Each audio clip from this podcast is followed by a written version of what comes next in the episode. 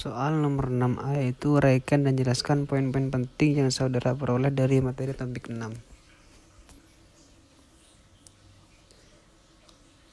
Yaitu pendapatan asli daerah atau PAD dengan jumlah penduduk dan PDRB pengeluaran pemerintah dan inflasi dari tahun 2000 sampai dengan 2013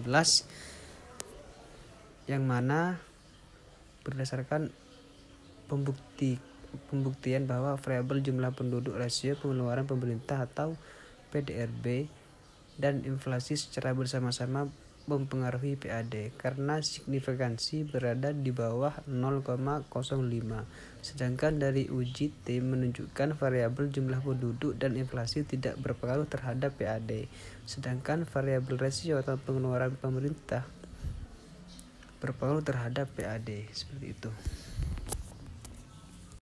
Untuk soal nomor 6B yaitu hal tentang apa saja yang saudara harapkan dari materi topik 6. Mengapa hal tersebut penting bagi saudara? Yang pertama itu pendapatan asli daerah atau PAD yang merupakan semua penerimaan yang diperoleh daerah dari sumber-sumber dalam wilayah sendiri yang dipungut berdasarkan peraturan daerah sesuai dengan peraturan perundang-undangan yang berlaku. Yang kedua itu hasil retribusi daerah yaitu pungutan yang telah secara sah menjadi penguatan daerah sebagai pembayaran pemakaian atau karena memperoleh jasa atau karena memperoleh jasa pekerjaan. Yang terakhir itu PDRB per kapita yang merupakan nilai proksi dan pendapatan setiap jumlah penduduk yang diperoleh dari jumlah PDRB seperti itu. Untuk soal terakhir yaitu buatlah tiga pertanyaan kritis yang meresahkan saudara. Terkait dengan materi topik 6, jelaskan alasan saudara mengajukan pertanyaan tersebut.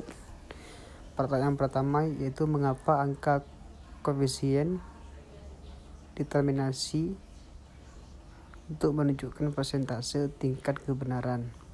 Pertanyaan yang kedua itu mengapa pengujian regresi terlebih dahulu dilakukan pengujian asumsi?